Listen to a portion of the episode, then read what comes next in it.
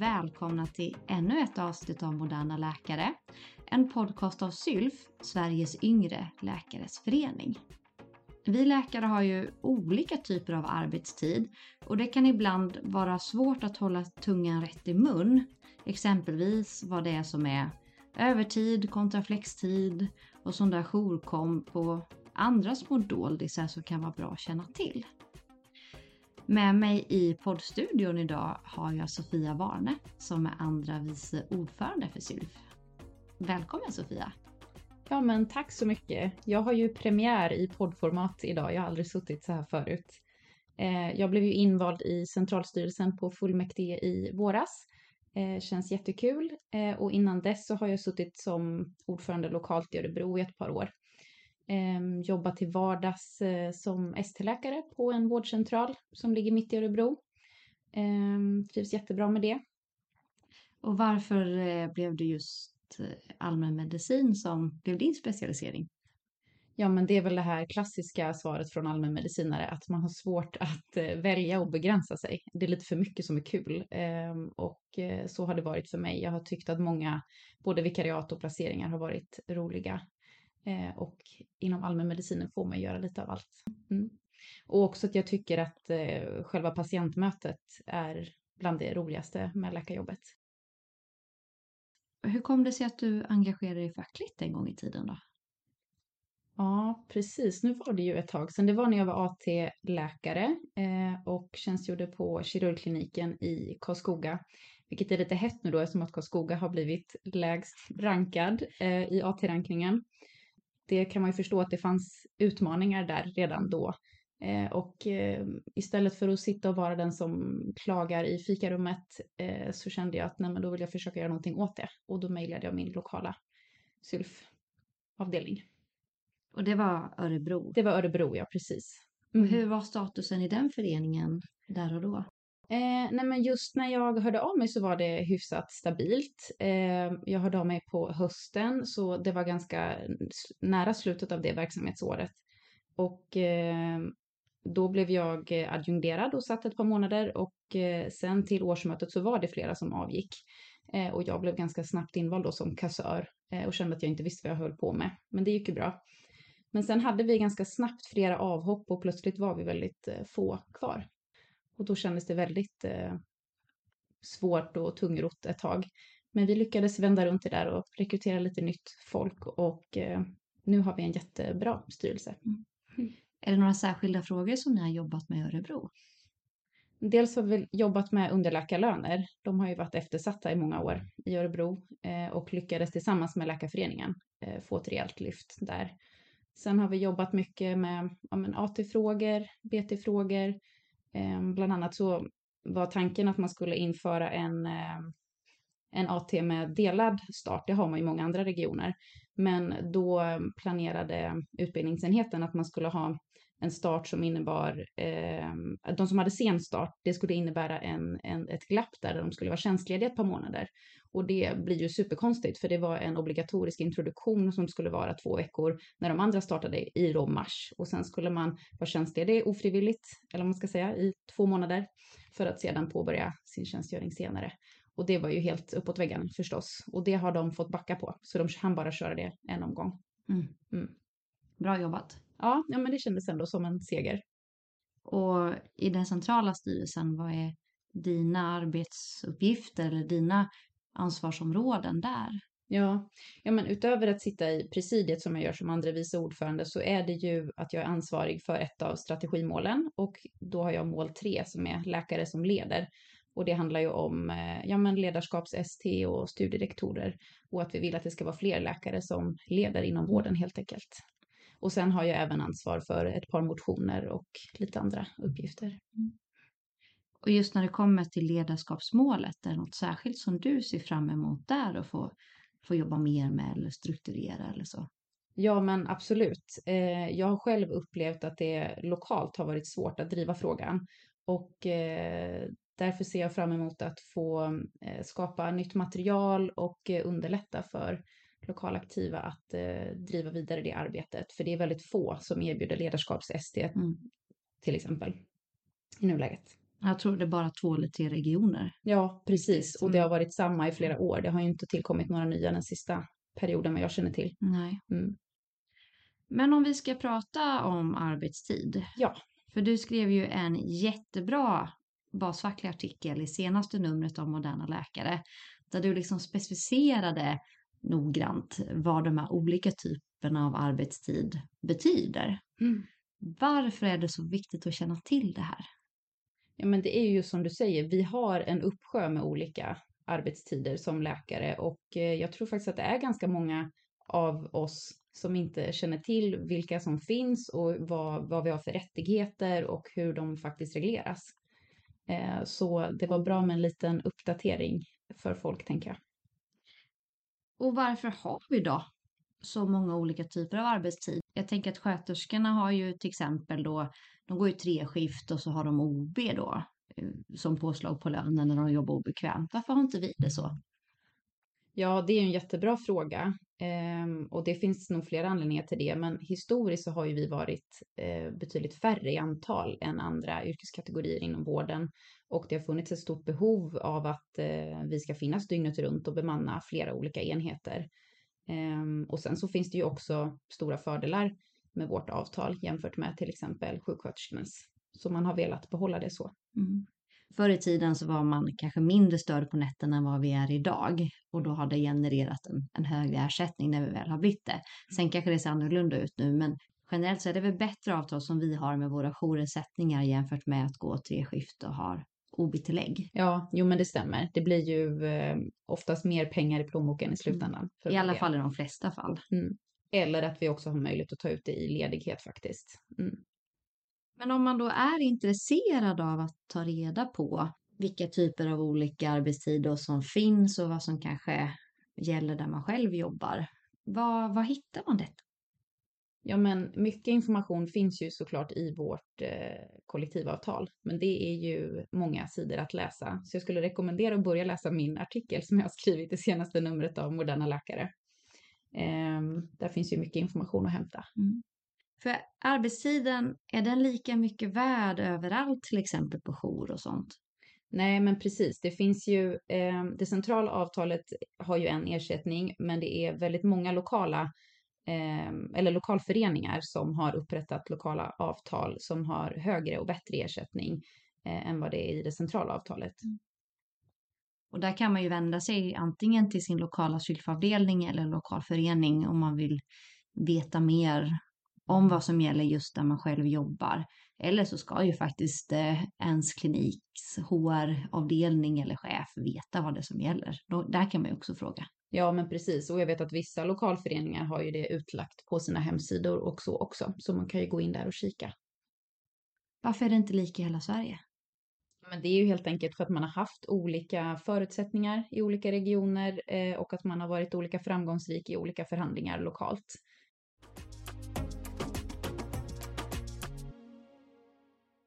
Om vi ska försöka att få ner här i ljudformat, vilka olika typer av arbetstid har vi? Ja, ja, men det är ju en bra fråga att reda ut till att börja med. Nej, men i grunden så är det ju ordinarie arbetstid som vi har. Eh, sen har vi ju också flextid. Eh, det finns övertid. Det finns förskjuten arbetstid. Eh, vi har jourtid och beredskap. Och om vi liksom börjar med the basic, vad innebär ordinarie arbetstid? Eh, det innebär att det är 40 timmar arbetsvecka som gäller och det är någonting som eh, arbetstidslagen bestämmer. Arbetstiden får då inte överstiga 40 timmar. Men det som är lite speciellt för oss läkare är ju att eh, det här får förläggas mellan klockan 07.00 till 21.00 måndag till fredag. Så det får arbetsgivaren schemalägga oss hur de vill inom den tidsramen, bara det inte överstiger 40 timmar.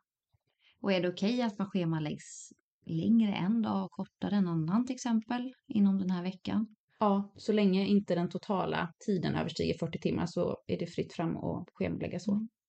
Och jag vet att på vissa håll lokalt så är ju fredag eftermiddagen också räknas som jour. Och då är det någonting som man har förhandlat om i ett lokalt kollektivavtal eh, där man till exempel från klockan 17 har rätt till jourersättning om man arbetar då. Och något som går in i ordinarie arbetstiden är ju det här med flex. Vad innebär flex egentligen? Det är ju eh, en svår fråga. För flex är ju egentligen någonting som är till för att skapa just flexibilitet hos arbetstagaren. Eh, att man ska ha möjlighet att påverka sina arbetstider, att kunna gå hem tidigare en dag och kunna jobba längre en annan dag. Och eh, det är till exempel så att jag kan välja att administrera lite extra på onsdagen för att kunna gå hem tidigare på torsdagen. Eh, men det är ju väldigt viktigt att särskilja flex från övertid. För att flex är någonting som vi väljer själva medan övertid är någonting som är påtvingat eller uppkommet på grund av en medicinsk situation. Mm. Har alla läkare flex? Nej, det, de allra flesta regioner tillämpar flextidsavtal, men det är ingenting som regleras centralt, utan det är avtal som man eh, upprättar lokalt mellan arbetsgivaren och eh, Läkarföreningen. Vad brukar vara det vanliga tillåtna flextiden? En vanlig modell är ju att man får eh, flexa in en timme innan och efter när eh, arbetspasset börjar och två timmar innan eller efter arbetspassets slut. Sen så får man ju också flexa på lunchen om, om ehm, eh, verksamheten tillåter det, men lunchen får då inte understiga 30 minuter eller rast då. Och hur många flextimmar brukar man generellt få samla på sig? Ja, det kan ju förstås variera en del i landet, eh, men vanligt är att man får ha mellan kanske 20 till 40 timmar plus saldot eh, och ner mot 10 till 20 timmar i minus. Eh, och då har man avstämningar ett par gånger per år, ofta två, tre gånger. Och om man då har ett saldo som överstiger det som är tillåtet så, så försvinner de överskjutande timmarna. Man har alltså jobbat gratis. Eh, och om man har färre timmar än vad som är tillåtet så kan man få löneavdrag eller bli tvungen att gå in och jobba ett extra pass eller liknande. För det känns ju jätteorättvist att det bara försvinner arbetstid som man har jobbat. Mm. Vet du varför det ser ut så? Jag tänker att det till mångt och mycket är felregistreringar. Att om man har så mycket flextid så har man förmodligen jobbat övertid och inte registrerat det rätt eller fått tillräckligt utrymme i schemat för att eh, kunna utföra sitt arbete inom ordinarie arbetstid. Mm. Men vet du om det finns någon bakgrund till att det är så att man får betala om man har jobbat för lite men inte får något tillbaka om man har jobbat för mycket? Nej, det vågar inte jag svara på faktiskt. För du nämnde ju det här med med övertid. För någonstans så står ju flex och övertid nära varandra, i alla fall för oss som är arbetstagare. Vad är det då som särskiljer övertid från flex? Det är en jätteviktig fråga eh, där det är många av våra medlemmar som registrerar fel. För flextid är någonting som man väljer själv. Det är någonting som man kan utnyttja för att kunna sitta kvar och administrera Medan övertid är någonting som är beordrat av arbetsgivaren eller på grund av en uppkommen medicinsituation som inte kan vänta. Mm. Kan du ge några exempel på det? Ja, men eh, om man till exempel jobbar på en vårdcentral som jag och det kommer in en eh, patient eh, precis när man ska sluta arbetspasset som måste tas om hand om, då kan man inte gå hem. Eller om man går in i sin inkorg och upptäcker att det är avvikande provsvar som måste hanteras.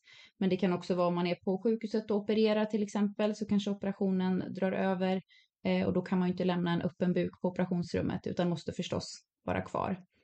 Ehm, men det är klart att det uppkommer situationer som befinner sig mer i gråzonen, till exempel administration generellt liksom och eh, att eh, hinna journalföra i tid. Och eh, då tänker jag att det är viktigt att man har en dialog med sin arbetsgivare så att man på förhand vet om det är okej okay att använda övertid till att administrera i kapp. Och om det inte är det, då har man ju rätt att frigöra tid i schemat för det. Kanske avboka ett planerat besök eller liknande så att man hinner i kapp. För det finns ju många situationer där, som liksom i sak, det här kan vänta tills imorgon även om det hanteras skyndsamt, men man inte har utrymme för att göra det imorgon. Hur ska man tänka då till exempel? Och då kanske inte chefen heller är kvar på plats eh, för att eh, den har gått hem för dagen. Och då tänker jag att eh, om min bedömning är att jag kommer inte hinna göra det imorgon och det här måste ändå hanteras inom närmsta dygnet, då är det ju övertid. Då måste man ju göra det då. Men inför nästa gång kan det ju vara bra att stämma av med chefen. Eh, och alternativet annars är ju att man får avboka någonting dagen efter för att hinna jobba i kapp. Jag pratar ju mycket om övertid med eh, underläkare eh, som jag jobbar med och jag kan uppleva att många drar sig för att registrera övertid. Det är ju ett problem. Det är ju många underläkare som känner sig i beroendeställning. Eh, man kanske tänker att man ska söka en framtida ST eller liknande på en arbetsplats och inte vill eh, vara jobbig eller, eller liknande. Ehm, och dessutom kan det också ha kommit påtryckningar uppifrån om att man inte ska registrera övertid och så vidare. Men det är ju någonting som vi har rätt till. Eh, vi har ju rätt till övertid. Och de allra flesta underläkare har ju också rätt till övertidsersättning. Um, vilket är, det har ju varit mycket i media om specialistläkare som har fått det bortförhandlat. Och så kan det vara för vissa ST-läkare också tyvärr. Men man har åtminstone rätt till eh, ersättning i tid om man jobbar övertid. Det har man alltid. Men Sofia, varför ska jag då registrera övertid om jag kan lägga det på min flextid och slippa bråka med chefen om att det ska vara övertid? Ja, men det är ju dels för att flex är någonting man väljer själv, övertid väljer man inte själv. Eh, det är också för att man får en annan, eller man får ju en ersättning för övertid. Flextid är ju på flexsaldot som då potentiellt kan försvinna vid en avstämning. Och det är också för att övertid syns i ens ATL-tid och ATL-tiden är, det regleras ju av arbetstidslagen och det är ju för att vi helt enkelt inte ska arbeta för mycket utan man ska inte slå i taket och gå över 200 timmar. Ehm, och då gömmer vi ju en ökad arbetsbelastning om vi inte registrerar vår övertid oavsett om vi får ersättning i pengar eller tid. För flextid mäts ju inte på samma sätt som övertid gör. För enligt arbetstidslagen så ska vi ju inte ha mer än 200 timmar övertid till exempel. Nej men precis. Och eh, flextiden som då försvinner vid en eventuell avstämning, eh, den försvinner ju bara. Den registreras ju inte någonstans så att det syns. Men behöver chefen godkänna övertid för att den ska räknas? Ja, så är det ju. Sen finns det ju många chefer. Om man är en bra chef så kan man ju förstås godkänna det i efterhand också. Men för att man ska vara säker på att ha rätt till det så ska det ju vara någonting som är beordrat eller överenskommet med chefen innan. Eller om man jobbar på en akutmottagning till exempel så kan det ju vara delegerat till mellanjouren att ta ett sådant beslut. Men eh, man ska ha koll på vem det är som har rätt att besluta om övertiden. Mm. Och vad är då övertiden värd? varför är det då så viktigt att registrera den som övertid för mig som individ? Precis, och det finns egentligen två former av övertid. Dels så har vi enkel övertid och det är de första två timmarna i anslutning till arbetspasset. Och den är värd 180 procent av din timlön. Och sen all, all övertid utö, utöver enkel övertid, det är då kvalificerad övertid. Eh, och den är värd 240 procent av din timlön. Och vad är samma tariffer om man istället tar ut det i tid? och då innebär enkel övertid att man får ut en och en halv timme per timme övertid och vid kvalificerad övertid så är det två timmar per timme övertid. Du var inne lite på det här innan att eh, läkare, framförallt specialistläkare, har fått sin övertid bortskriven i samband med nyanställning. Eh, vad innebär det i praktiken och vad ska man tänka på vid en löneförhandling? Mm. Men man ska ju man ska ju aldrig skriva på ett avtal där övertiden är bortskriven utan att man har förhandlat om det. Och det är ju tyvärr så som det har skett på många ställen runt om i landet. Eh, utan om övertiden ska skrivas bort, då ska det ha förhandlats och man ska ha fått någon kompensation för att den skrivs bort. Och man ska också ha någon form av uppfattning om hur mycket övertid man förväntas arbeta så att man vet vad det är man skriver bort. Ehm, men framförallt ska man kräva en förhandling. Och det är det många arbetsgivare som inte har koll på, så man måste upplysa dem om det. Vi har hört skräckexempel eh, från en särskild region där man förhandlar om lönen och så kommer kontraktet hem och så är den här rutan förikryssad då med att man avser sig rätten till övertid utan att det varit uppe på tapeten. Mm. Och när man då försöker vända det tillbaka så har man fått svara att nej men så här gör vi här och så är det och förstod du inte det i princip. Och det är ju det är ju helt fel. Och jag tycker att om man hamnar i en sån situation, då ska man kontakta sin lokala läkarförening som får hjälpa en med den förhandlingen. Men om, man, om det då är tal om att skriva bort övertiden, vad är en rimlig kompensation? Ja, det, det är en bra fråga och det får ju ställas i paritet med hur mycket övertid man förväntas arbeta. Så det måste man ju först reda ut. Förstås kan ju en, en högre grundlön vara en rimlig kompensation om man inte ska ha rätt till övertidsersättning. Eh, sen finns det säkert många andra saker man kan förhandla om, som att man vill ha studietid som specialistläkare eller andra saker. Fler semesterdagar eller, eller så.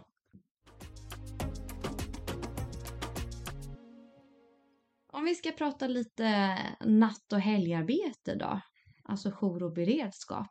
Ja. Vad betyder jour och beredskap till att börja med? Det är ju egentligen all planerad verksamhet som inte är förlagd på ordinarie arbetstid utan på helger och kvällar och nätter. Eh, det vill säga utanför tidsramen 07 till 21 på vardagar. Och vad är skillnaden mellan jour och just beredskap? Mm. Jour är i regel sjukhusbunden eh, och då ska man stå till förfogande att arbeta hela det passet, att man ska vara beredd att göra det. Medan beredskap, då befinner man sig ofta i hemmet, men att man vid behov ska komma in och arbeta, alternativt svara på frågor hemifrån eller liknande. Här exemplifierar vi skillnaden mellan primärjour många gånger och bakjour. Ja, men precis. Att primärjouren måste vara på huset hela passet. Mm. Medan bakjouren många gånger kan vara hemma och kommer in vid behov eller svara på frågor. Ja, men precis. Och är det då någon skillnad på jouren beroende på om man sover, alltså vilar, inte blir störd, eller om man arbetar? Eh, jo, för man har ju en grundersättning för hela jourpasset eh, som då är att man är bunden om, man, om det är en jour där man är sjukhusbunden och man är i beredskap i hemmet. Eh, och den ger en lite lägre ersättning och sen så har man aktiv tid som man registrerar och då får man en högre ersättning. Och när registrerar man då den aktiva tiden? Ja, men när man arbetar. Ja, Och om jag då blir störd på jouren, vad får jag då för ersättning? även om det är så att man, man får ett samtal från avdelningen till exempel, man kanske pratar i fem minuter, så ska en störning ge minst eh, 30 minuter i ersättning. Så den aktiva tiden räknas som 30 minuter, även om störningen bara är fem minuter. Sen om man får flera störningar inom samma 30 minuters intervall så blir det ju inte mer, men minst 30 minuter. Men minuten efter om man blir störd igen, Då, då är det en ny halvtimme. då är det en timme totalt. Vi har ju pratat om att det är lite olika ersättningar då, alltså gånger ens timlön beroende på vart i landet man jobbar. Men bara liksom mellan tummen och pekfingret på ett ungefär, vad, vad har man i ersättning på, på natt och helg till exempel? Ja, men precis. Eh, under hela helgen, lördag och söndag, så är det faktor 2. Det är det vanligaste. Ja, det är det vanligaste. Mm. Eh, och ofta på kvällarna mellan 21 och 00 så är det faktor 1,5. Och på vardagsnätter då från klockan 00 fram till 07 när ordinarie arbetstid börjar så är det faktor 2. Och som sagt, vi ska vara tydliga med att här finns det andra upplägg i, i vissa regioner. Ja, men Mm. precis. Så att kolla efter vad som gäller just där du jobbar. Men det här är ändå en mellan tummen och pekfingret vad det är vanligast att få på sin jour. Och när vi har jobbat på jour och vi går hem efter natten, vad händer med vår arbetstid då? Ja, men då betalar vi ju ofta vår ledighet med jourkomp. Eh, så att man får ju ett jourkompsaldo eh, där man då betalar sin vila med jourkomp. Och om man inte hinner ta ut all intjänad jourkomp, för det vanliga är ändå att man, om man uttrycker sig så, går plus på sin jour, att man får ett litet överskott i tid. Framförallt om man jobbar mycket jour och, och nattjoursveckor. Om jag då inte hinner ta ut all min inarbetade jourtid i ledighet, vad händer då? Ja, det är ju väldigt vanligt att man har, som du säger, ett stort saldo med jourkomsttimmar Och då har man ju möjlighet att ta ut den i pengar istället. Men det är också så att det ofta sker en tvångsutbetalning om man inte tagit ut det inom en viss tidsfönster. Eh, och då är en jourkompstimme värd ungefär 20% mer än en vanlig timlön. Hur kommer det sig att den intjänade jourtiden är värd mer i pengar än i tid? Det är främst för att eh, det som vi gör på jourtid och genererar jourkomp, det får vi ingen semesterersättning för. Eh, och då får man istället ett extra påslag på den timpengen. Mm, då tänker jag att vi lä- lämnar jourkompen bakom oss. Och pratar om en riktig doldis i kollektivavtalet. Ja, Förskjuten arbetstid. Mm. Ja, precis. Eh, det är ju någonting som de flesta har ganska dålig koll på tror jag. Eh, för det är så att om man har, eller om man blir tillfrågad att flytta ett arbetspass när det är mindre än tio dagar kvar och det är någonting som är på ordinarie arbetstid och det ska flyttas, till exempel från ett dagpass till ett kvällspass, då har man rätt till extra ersättning. För det här är någonting som jag tror att de flesta underläkare har inte så bra koll på och de chefer jag har pratat med har sett ut som frågetecken när man har påtalat detta. Mm. Men är det här en nyhet? Nej, det är det inte. Det har funnits länge i våra avtal. Och det man har rätt till i ersättning är eh, en extra ersättning på timlönen på 32,3 procent under det arbetspasset.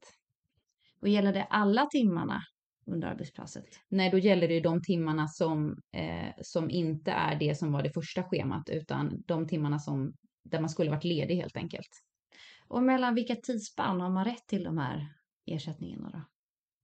Det är ju inom vår ordinarie arbetstid, 07 till 21 på vardagar. Vilka tidsfrister kan man få sitt arbetspass ändrat om man blir berättigad den här extra ersättningen? Mm, det är en jättebra fråga och det är när det är mindre än 10 dagar kvar, men eh, mer än en dag, så mellan dag 1 till 9 kan man säga att man har rätt till den här ersättningen. Om man istället får sitt arbetspass ändrat samma dag som man ska jobba, vad händer då? Och då har man rätt till övertid, när det är så pass kort inpå. Jag tänker Sofia att i ett eh, poddavsnitt om arbetstid och ersättningar så är det också svårt att inte prata om obekväm arbetstid, alltså OB-tillägg. Eh, vad innebär det? Ja, men precis. Eh, och det är ju egentligen någonting som eh, inte är aktuellt för särskilt många läkare för att vi har jourtid eh, och har rätt till en ersättningsnivå utifrån det och att vår ordinarie arbetstid är fram till 21 på kvällen. Eh, så många yrkeskategorier, eller många andra yrkeskategorier inom vården, som till exempel sjuksköterskor och undersköterskor, de har ju OB-tillägg varje gång de jobbar kväll eller helg. Men det har ju inte vi för att det antingen är ordinarie arbetstid eller jourtid. Men, men det... vad är skillnaden då för en sköterska? Varför får sköterskorna OB-tillägg och inte vi då? Eh, nej, till, om man tar sköterskor som exempel så har ju de ordinarie arbetstid dygnet runt och att de jobbar i olika skift istället. Eh, och därför så har de tillägg för obekväm arbetstid. Och det kan ju även eh, läkare ha. Det finns ju ehm, på vissa kliniker och på, inom, i vissa regioner att man har lokala avtal där, man, där läkarna jobbar i tre skift. Till exempel akutläkare är det ganska vanligt. Eh, och då har man ju rätt till OB-tillägg. Eh, när vi ändå tar upp just akutläkares arbetstid så har ju man på vissa håll i Sverige just på akutkliniker ett särskilt kvotavtal som är en form av jouravtal men med lite andra eh, tariffer och man får ofta lite mer ersättning tidigare på kvällarna och så för att kompensera för att man jobbar så otroligt mycket mer kväll och natten vad vi som har ett inom citat vanligt eh, jourschema gör jämfört med en akutläkare. Men det kanske vi får göra ett specialavsnitt av framöver. Ja men precis, för det är inte helt lätt att sätta sig in i. Men Sofia, det har varit jättetrevligt att få prata mer med dig om arbetstid och eh, ersättningarna som följer med det. Tusen tack för att du gästade Moderna Läkare. Ja, men tack för att jag fick komma hit. Det har varit jättekul. Arbetstid är ju roligt att prata om. Och jag tänker att vi kommer nog eh, se snart igen och spela in något nytt avsnitt. Ja, säkert.